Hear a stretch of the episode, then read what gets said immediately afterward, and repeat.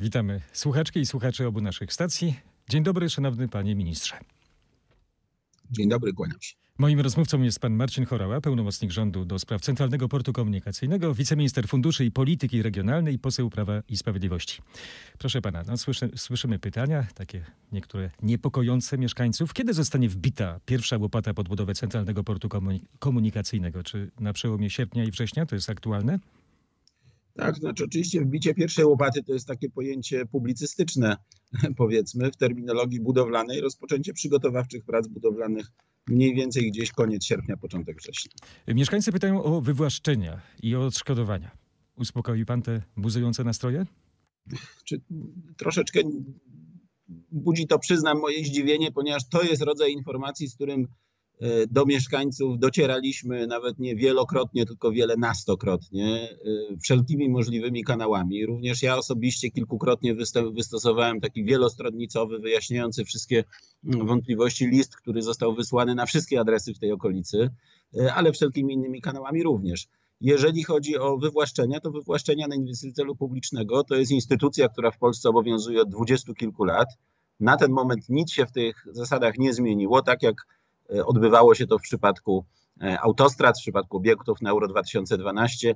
Stan prawny na ten moment jest taki, że dokładnie tak samo e, w tym przypadku. Jedyna różnica jest program dobrowolnych nabyć, który już rozpoczęliśmy kilka lat temu. Wszyscy chętni mieli czas, żeby się zgłosić i do poznać 7, ofertę, która kwietnia, jeżeli... Tak. Mhm. E, tak, tylko to oczywiście nie jest koniec PDN-u, tylko koniec zgłoszeń dla pierwszego etapu lotniska, no bo wymagany jest jeszcze czas, każde takie zgłoszenie wymaga wyceny, rozmowy, negocjacji, no potrzebne jest co najmniej kilka miesięcy, żeby, że tak powiem, przeprocedować. Właściciele ponad 80% gruntów e, na tym pierwszym etapie budowy się zgłosili do tego programu. Właściwie każdego dnia podpisywane są kolejne umowy. W tym programie oferujemy warunki dużo korzystniejsze niż te obowiązujące od dwudziestu kilku lat w przypadku O tych wywłaszczeń. warunkach jeszcze szczegółowo, panie ministrze, będziemy rozmawiali. Pan Marcin Chorała, pełnomocnik rządu do spraw Centralnego Portu Komunikacyjnego pozostaje z nami, jednak od tej pory wyłącznie w Radiu RMF24. Naszą stację znajdziecie na stronie rmf24.pl. Polecamy też aplikację RMF On. Zapraszam, Bogdan Zalewski.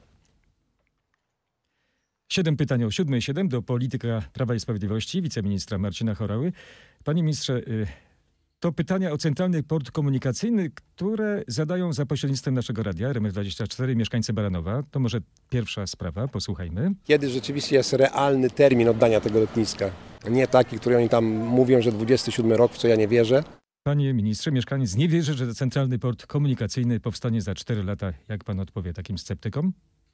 Y, to nawet się nie dziwię, ponieważ powstanie, y, zakończenie budowy w roku 2027 oznaczyłoby, oznaczałoby, że od, te, od etapu absolutne zero, od podjęcia decyzji do zakończenia budowy 10 lat. Y, to przypomnę ponad 2,5 raza szybciej niż na przykład budowano lotnisko Berlin-Brandenburg i to taki powiedzmy rekord Europy. Dobra wiadomość jest taka, że na ten moment mieścimy się w tym harmonogramie. Mhm. Oczywiście, jak każda budowa, niesie one ze sobą niespodzianki. Dołożymy wszelkich starań, żeby było ich jak najmniej, żeby ten harmonogram utrzymać. Tak, pytanie, pytanie było takie ogólne. Y, to może uporządkujmy ten datownik, prawda? Koniec 2027. To jest zakładana data ukończenia prac budowlanych y, lotniska CPK. Tak, i, tak jest, i, tak jest. I czego jeszcze? E, no, samego lotniska, jak również węzła kolejowego i dojazdu do lotniska tego pierwszego odcinka linii kolejowej Warszawa-CPK Łódź. A drugie pytanie też od naszego słuchacza. Czy są już jakieś konkretne firmy, które będą budować to lotnisko? Czy są już podpisane umowy? Tak, no jest cały szereg e, umów ramowych. E, my w programie inwestycyjnym CPK przyjęliśmy takie założenie, że robimy przetargi ramowe, czyli na cały pakiet robót, które których wykonawcy nie konkurują ceną, tylko konkurują zdolnościami. Muszą pokazać swoją zdolność, możliwości do wykonywania danej kategorii robót. Tworzona jest taka krótka lista, bo tak, tak skonstruowany przetarg może wygrać więcej niż jeden e, wykonawca. E, I później już dla konkretnych prac budowlanych jest proste postępowanie ofertowe, wybór najlepszej oferty, które jest e, po prostu znacznie szybsze i mniej skomplikowane biurokratycznie. Jednocześnie firmy wiedzą, mają czas, żeby się przygotować, wiedzą, że już są przy tym projekcie no, wszystko odbywa się zgodnie z prawem zamówień publicznych, także na stronie Urzędu Zamówień Publicznych, zgodnie z wszelkimi zasadami na BIP-ie te przetargi są ogłaszane i rozstrzygane było już kilkadziesiąt, więc proszę wybaczyć, rozumiem, nie spamiętam.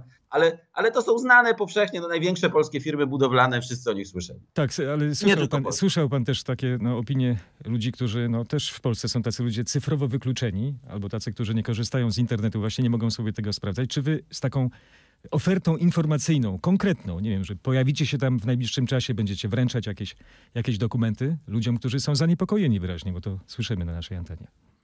Niestety no jest tam takie dosyć wąskie grono, ale no kilkudziesięciu aktywistów, którzy pracują nad tym, żeby ludzi straszyć. No już różne kłamstwa nawet były rozpowszechniane. Nie wiem, na przykład to, że CPK płaci 5 zł za metr kwadratowy. No taki typowy fake news, który w pewnym momencie się rozniósł. Y, Sposobów dotarcia do mieszkańca jest cały szereg. No przede wszystkim mamy tak zwanych opiekunów obszaru, czyli takich powiedzmy doradców klienta. Każdy z nich ma przyporządkowany około 20 adresów, 20 osób, z którymi utrzymuje na bieżąco kontakt, jeżeli tylko te osoby sobie tego życzyły. No bo niestety też się zdarza, że osoba sobie nie życzy jakiegoś kontaktu, absolutnie go odmawia, no to potem Czyli faktycznie pewnych informacji może wkła- brakować. Ale nie również nie wspomniane wkładać się listy, buta w drzwi, prawda, żeby tam docierać. no nie, nie, no to jest wszystko na zasadzie po prostu grzecznej, uprzejmej rozmowy. Jak ktoś sobie nie życzy rozmowy, no to oczywiście nie będzie rozmawiał. E, Tak jak mówię, też kilkukrotnie był wysyłany taki obszerny list wielostronnicowy, gdzie wszystkie te sprawy są, e, są tłumaczone na każdy adres.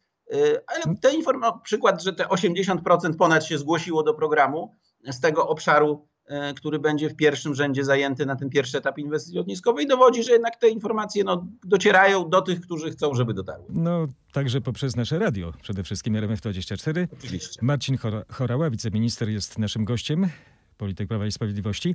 Y, Panie ministrze, też takie pytanie się pojawia, zacytuję je. Czy to ma być kapitał polski tylko i wyłącznie, czy kapitał zagraniczny? kontrola właścicielska nad samą spółką lotniskową, ponieważ CPK to jest program budowy nowego systemu transportowego kraju, również na przykład linii kolejowych. Linie kolejowe to jest inny reżim prawny w Unii Europejskiej, to jest infrastruktura publiczna. Natomiast samo lotnisko musi wręcz być, to, to przepisy unijne to wymagają, przedsięwzięciem komercyjnym, to znaczy takim, w którym na przykład inwestując publiczne pieniądze trzeba przeprowadzić test prywatnego inwestora i wykazać, że prywatny inwestor domniemany też by zainwestował w to, bo to jest dobry biznes.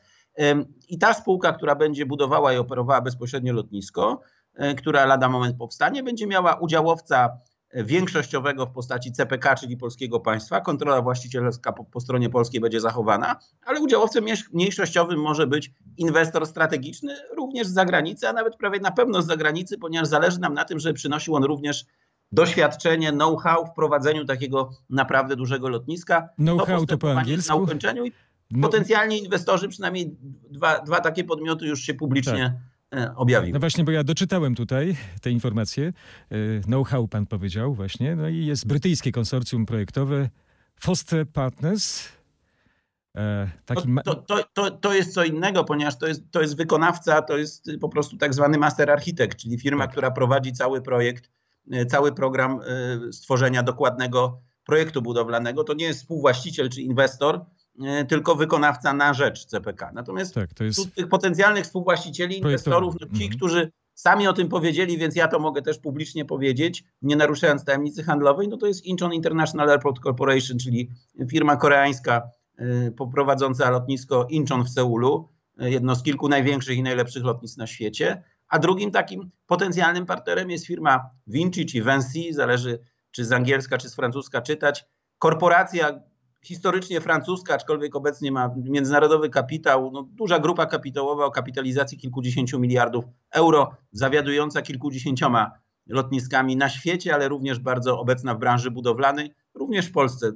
Jedna z tych dużych polskich firm budowlanych też należy do tej. No to już sporo szczegółów poznaliśmy. Y, Panie ministrze, ja zadam, zadam takie ogólne pytanie, generalne, bo ono się pojawia w przestrzeni publicznej. Po co Polsce CPK? No to oczywiście temat rzeka, ale tak, żeby w największym skrócie, ponieważ Polska obecnie nie ma infrastruktury transportowej na najwyższym światowym poziomie, takiej jaką mają te najbardziej rozwinięte państwa na świecie, a chcielibyśmy, już jesteśmy na tym etapie, że Polska puka do drzwi tego klubu państw naprawdę wysoko rozwiniętych i do tego, żeby gospodarka, społeczeństwo było na tym poziomie, również system transportowy też jest potrzebny. Dość powiedzieć, że największe obecnie polskie lotnisko, port lotniczy Chopina na Okęciu, to jest zaledwie gdzieś 32, 33, 34 największe lotnisko w Europie. CPK to, które teraz budujemy, ten pierwszy etap, bo oczywiście budujemy też z myślą, żeby gdyby była taka potrzeba, żeby móc w przyszłości je rozbudowywać, żeby była pod to rezerwa. Ale ten etap, który teraz budujemy, czyli 40 milionów pasażerów maksymalnej przepustowości, to też nie oznacza obsługi 40 milionów pasażerów, bo żadne lotnisko nie, nie pracuje na swoją maksymalną przepustowość. Ale te 40 milionów maksymalnej przepustowości to by było mniej więcej dziesiąte największe lotnisko w Europie. No to już nawet tak intuicyjnie każdy widzi, że to jest na miarę polskich potrzeb, e, polskiej gospodarki, polskiego społeczeństwa. Nie wiem, wspomnijmy chociażby o segmencie cargo lotniczego. E, obecnie te towary na potrzeby polskiej gospodarki transportowane drogą lotniczą są w ponad 80% obsługiwane przez lotniska poza Polską. To są miliardy złotych, czy nawet euro, które tracimy biznesu, miejsc pracy, wpływów z podatków, bo nie jesteśmy w stanie ich obsłużyć, naszego tak. własnego rynku. Panie ministrze, pan podaje takie dokładne wyliczenia, na, a przewidywania, przyszłość, no już była mowa o tym, że COVID, pandemia koronawirusa, no przeorała nam świat, że te plany, które już były wcześniej, bo to przecież nie jest y, kwestia ostatnich dni, że one mogą spalić na panewce, ze względu na to, że cały rynek transportowy się zmienia, ten globalny. Oczywiście była taka wątpliwość i powiem tak, no w światowym biznesie lotniczym ci, którzy w to uwierzyli i jakby zaczęli planować swój biznes w kierunku końca świata, straszliwie przegrali, chociażby zamieszanie całe na części lotnisk europejskich. W zeszłym roku z tego wynikało, że one w covid bardzo pocięły swoje możliwości, zwolniły wykwalifikowany personel, zamknęły część swojej przepustowości, no i nagle w lato kryzys kolejki, y, góry bagaży nieobsłużonych, opóźnienia, bo, bo się okazało, że ten ruch wrócił. Jak podaje IATA, Międzynarodowe Stowarzyszenie Przewoźników Lotniczych, już jesteśmy na poziomie 90% y, tego ruchu sprzed pandemii. W Polsce też w niektórych segmentach rynku lotniczego już te poziomy sprzed pandemii przekroczyliśmy, a cały rynek jako średnia gdzieś pod koniec roku czy na przełomie roku już osiągnie ten poziom sprzed COVID-u i będzie się dalej rozwijał, no bo to nie był koniec świata. Ludzie potrzebują i chcą latać. Polacy latają dużo mniej niż statystyczny mieszkaniec Europy Zachodniej, dwa razy mniej, trzy razy mniej. To pokazuje, jak w miarę wzrostu zamożności polskiego społeczeństwa ten rynek będzie rósł. Tak, tendencje się zmieniają, to jest bardzo dynamiczna sytuacja, y, ale takie zasadnicze pytanie, czy, y, czy coś będą z tego mieli mieszkańcy Baranowa? Na przykład takie pytanie konkretne, bo oni tutaj mówią, że powinni też mieć z tego zysk nie tylko Polska, nie tylko te inwestycje, ale oni sami powinni mieć z tego zysk. Mówi się nawet o y, nie wiem, czy pan może udzielić jakiejś informacji na ten temat, że, że, że, że będą jakieś akcje na przykład, będą mogli uczestniczyć w, w tej budowie tak realnie? No, znaczy, po pierwsze, oczywiście przyznajmy, że tak postawione pytanie jest jednak no, dość aberracyjne. Znaczy, a ja stawiam każde przykład, pytanie. Ja panu zacytuję czy dokładnie. Czy mieszkańcy tak, okolic tak, CPK tylko... dostaną coś w rodzaju akcji, by mieć realną korzyść z sąsiedztwa lotniska? Ja, to, ja tego nie oceniam, chciałbym, panie ministrze, tylko przekazuję.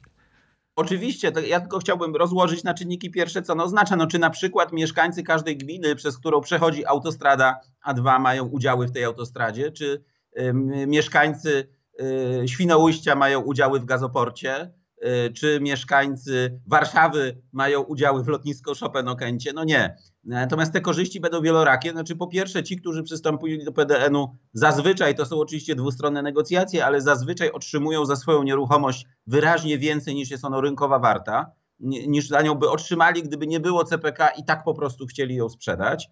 E, po drugie, jeżeli jest taka wola, oferujemy na przykład możliwość skorzystania z darmowych kursów zawodowych i gwarancję przyszłego zatrudnienia e, na CPK.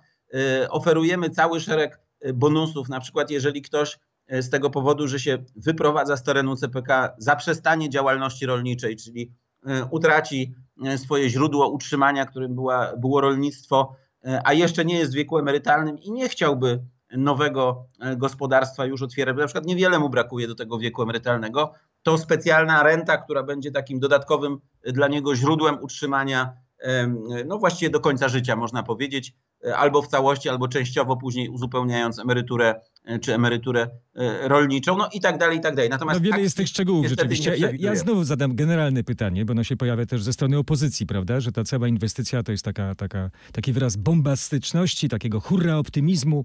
No, padają takie hasła, że wydajecie pieniądze niepotrzebnie, że to kompletnie e, chybiona inwestycja.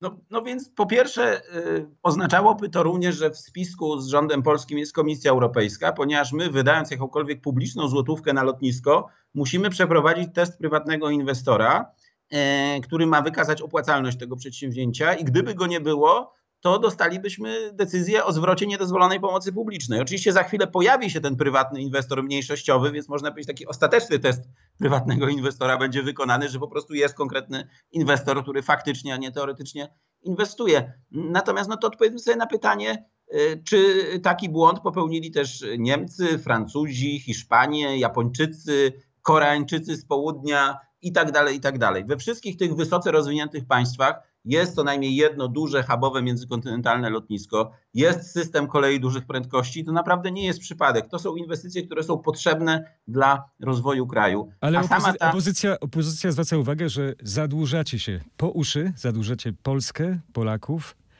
E, a inwestycja może przynieść zysk dopiero za wiele, wiele lat, no i to na, nasze wnuki za to zapłacą. Po pierwsze, e, po pierwsze zwróćmy uwagę, że poziom zadłużenia polskiego kraju i polskiego państwa jest wyraźnie poniżej średniej europejskiej. To jest poniżej 50% PKB, podczas gdy średnia europejska jest gdzieś około 70% PKB. Francja na przykład ma zadłużenie na poziomie 100% PKB i kilka innych państw europejskich nawet powyżej 100%. Więc to nie jest prawda, że Polska zadłuża się na potęgę. Polska jest relatywnie mało zadłużonym krajem. I oczywiście trzeba inwestować w przyszłość również po to, żeby było z czego te długi w przyszłości spłacać, z czego płacić emerytury, z czego wypłacać różnego rodzaju świadczenia, utrzymywać służbę zdrowia, oświata i tak dalej. Bez tego inwestowania na przyszłość tego by nie było. Więc to jest trochę jak taki gospodarz, y, który by powiedział, że go nie stać na to, żeby zasiać ziarno na przyszłe zbiory, y, tylko musi je całe przejeść teraz. No, ktoś, Natomiast kto sieje ziarno, ten zbiera, zbiera burzę. No burza jest w Warszawie, była. Zbiera plony. Zbiera plony. Tak, właśnie. A opozycja mówi o burzy, prawda? Że tutaj się szykuje coś e, złego e, dla Polski. No i padają takie bardzo radykalne hasła, między innymi na marszu w Warszawie, e, takiego radykalnego odpiłowania was od, od, od władzy, bo jesteście skorumpowani, no wydajecie nadmiernie pieniądze Polaków. Przestraszył się pan tego ślubowania Donalda Tuska? Nie, absolutnie nie. To już tak jak podkreślają analitycy, nie będę tu oryginalny. W istocie Oczywiście, choć werbalnie ten marsz był bardzo ostro skierowany przeciw PiSowi, to w istocie swojej politycznej on był rozgrywką na opozycji. Chodziło o to, żeby zjeść te opozycyjne przystawki, lewicę, PSL, Hołownię, żeby ich wszystkich poddać woli Donalda Tuska. I tak się stało. Oni zniknęli w tym marszu. Nie ma już żadnej trzeciej drogi, na przykład. No trzecia droga by oznaczała, że nie biorą udziału w marszu, że nie wpisują się w ten podział PO-PiS, że są jakąś nową, świeżą propozycją, Tymczasem okazało się, że są karnymi żołnierzami. Czyli nie boi się pan, że opozycja zje was? Nie, absolutnie. Oczywiście rządziliśmy w tej kadencji w niezwykle trudnej sytuacji. Wojna pełnoskalowa za naszą granicą, pandemia, ogólnoeuropejska inflacja, wielo, idący w tysiące procent wzrost cen energii na światowych rynkach. Myślę, że nie jeden rząd by się, mówiąc kolokwialnie, o to przewrócił. Oczywiście wielu Polaków odczuło pewne pogorszenie swojej sytuacji, pogorszenie przejściowe. Już widać, że z tego dołka wychodzimy, już widać, że inflacja spada. Ja dlaczego, dlaczego że... panie ministrze, w takim razie wywołujecie, jak mówi opozycja, wojnę polsko-polską? Dlaczego Ale wprowadzacie do debaty publicznej właśnie taki temat jak, jak ustawa weryfikacyjna o wpływach rosyjskich? Znaczy my tej wojny nie wywołujemy, wręcz odwrotnie. To znaczy od roku 2000, a przypomnę, że Komitet Obrony Demokracji powstał w trzy tygodnie po wyborach. Jeszcze rząd PiSu nic nie zdążył zrobić, a już była w Polsce demokracja zagrożona, bo to jest światopogląd pewnej części elit lewicowo-liberalnych, które się przyzwyczaiły, że Polska jest ich, że rządzą w Polsce, że nawet jak przegrają wybory, to i tak mają rządzić, bo jak inna opcja wygra wybory, to nie ma prawa nic przeprowadzić istotnego, nic istotnego zmienić. Y, I ta alergiczna reakcja trwa do teraz. A jak pan przewiduje, jaki ustaw... będzie dalszy los tej ustawy weryfikacyjnej o zbadaniu no, wpływów rosyjskich w Polsce? Te propozycje prezydenta. E, jeszcze nasz klub na ten temat nie obradował, jeszcze nie wypracowaliśmy sobie stanowiska. Jakaś nowelizacja. A kiedy, a kiedy, kiedy, kiedy będzie, będą takie obrady? Kiedy się zabierzecie do pracy, żeby to przeanalizować? Bardzo możliwe, że na najbliższym posiedzeniu Sejmu, które zdaje się będzie w przyszłym tygodniu, o ile pamiętam, bo nie mam teraz kalendarza przed oczami. Tak. E, e, e, więc pewnie jakieś zmiany w tej ustawie będą, zobaczymy jak daleko idące, a swoją drogą komisja powinna już zaczynać swoją pracę, bo sprawa jest no niezwykle, niezwykle ważna. O perspektywie dzisiejszej sytuacji widzimy, że ktoś, kto sprzyjał rosyjskim interesom, na przykład próbował uzależnić Polskę od Rosji wieloletnim kontraktem gazowym. Gdyby ten kontrakt wówczas wynegocjowany doszedł do skutku, to przypomnę, że do 1937 roku bylibyśmy energetycznie zależni od Rosji. No to, to No, jest opozycja taka twierdzi, kategoria że błędów uzależniliście- że powinien zostać bez skutków. A opozycja zarzuca wam, że wy uzależniliście Polskę od rosyjskiego węgla i że to też są No, wpływy tylko- Putina. Tylko, że jest to absolutnie nieprawda, ponieważ jak widać obecnie cały import węgla z Rosji został wstrzymany i pomimo tego, co zapowiadała opozycja, że będzie ciemno w zimie, zimno, że tego węgla zabraknie, węgla nie zabrakło.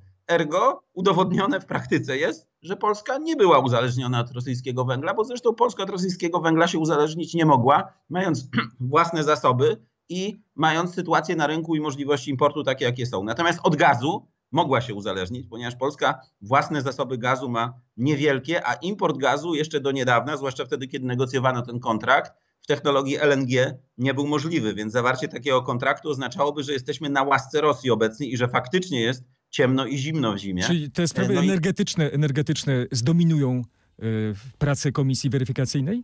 Być może, ale Czy to widzi pan jakieś inne. No, tematy? No na przykład kwestia podpisania umowy o współpracy polskich służb specjalnych z Federalną Służbą Bezpieczeństwa Rosji. Na jakich zasadach, w jaki sposób służby specjalne Rosji wizytowały tajne obiekty w Polsce, z kim się spotykali z polskich służb, do jakich tajemnic mieli dostęp. Albo na przykład kwestia szkolenia Państwowej Komisji Wyborczej w Moskwie w roku 2013 czy 2014. No czy naprawdę Rosja 2014 e, to był kraj, który powinien być dla nas wzorem, jeżeli chodzi o organizację procesu wyborczego, tego jak się wybory odbywają? No, takie przykłady można by mnożyć i te wszystkie sprawy wymagają omówienia, wyjaśnienia i wyciągnięcia konsekwencji. Panie ministrze, no takim kluczowym słowem w tej sprawie jest słowo reset, prawda? Czyli takie odnowienie, no, wyzerowanie relacji z Rosją. Kto to zapoczątkował? Reset z Rosją zapoczątkował oczywiście rząd Donalda Tuska na długo zanim, na rok mniej więcej, zanim e, do władzy doszedł prezydent Obama i rozpoczął taki reset w polityce amerykańskiej.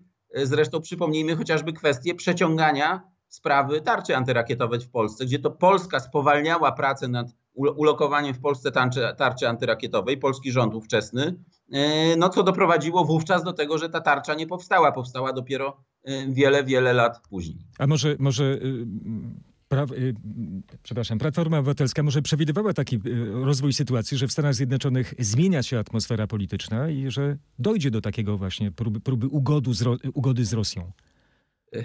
Prorocy, ale gdyby tak przewidywali, to tym bardziej należało wykorzystać to okienko szansy, kiedy jeszcze polityka amerykańska jest po naszej stronie e, i maksymalnie starać się Stany Zjednoczone tutaj zakotwiczyć, czyli nie spowalniać na przykład sprawy tarczy antyrakietowej, tylko przyspieszyć. Nawet powiem, zgodzić się na jakichś trochę gorszych warunkach, byle zdążyć, byle ta tarcza powstała. No takie ostatnie pytanie, panie szansa. ministrze. Ostatnie pytanie. No skoro Stany Zjednoczone też poszły na ugodę z Putinem, prawda? No jak Polska miała się zachowywać w tym czasie?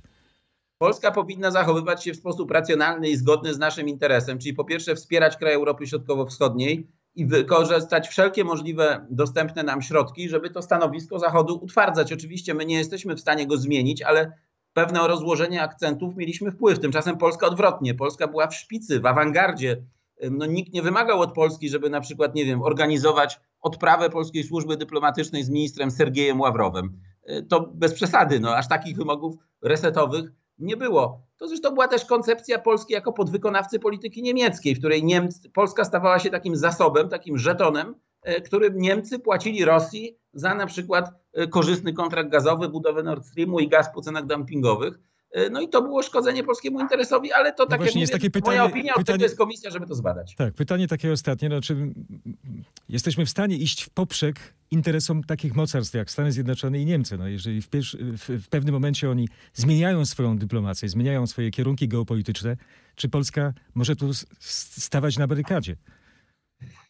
Nie chodzi o to, żeby stawać na barykadzie, ale pewne pole manewru jest. Po pierwsze, ten polski reset zaczął się szybciej niż amerykański, wtedy kiedy wręcz był wbrew właśnie stanowisku Stanów Zjednoczonych. To po pierwsze. Jeżeli chodzi o działanie, chodzi o działanie wbrew stanowisku Niemiec, to przećwiczyliśmy to przez ostatnie półtora roku. Gdyby Polska działała tak jak Niemcy w sprawie wojny na Ukrainie, to Ukraina już by była podbita przez Rosję. Gdybyśmy w tych pierwszych miesiącach wysyłali jako pomoc tam 5 tysięcy hełmów i niedziałający y, sprzęt ze szrotu, E, Także tu Polska pokazała wyraźnie, że może być liderem nadającym pewny ton, ale to również sprawa koalicji regionalnej. Przypomnę, że na przykład w sprawie przymusowej realokacji uchodźców Polska zadziałała tak, jak chciały Niemcy, a wbrew państwom bałtyckim, wbrew państwom Grupy Wyszehradzkiej, łamiąc solidarność Europy Środkowo-Wschodniej, No, to tematy, wszystko tematy się mnożą, kardynalne a błędy.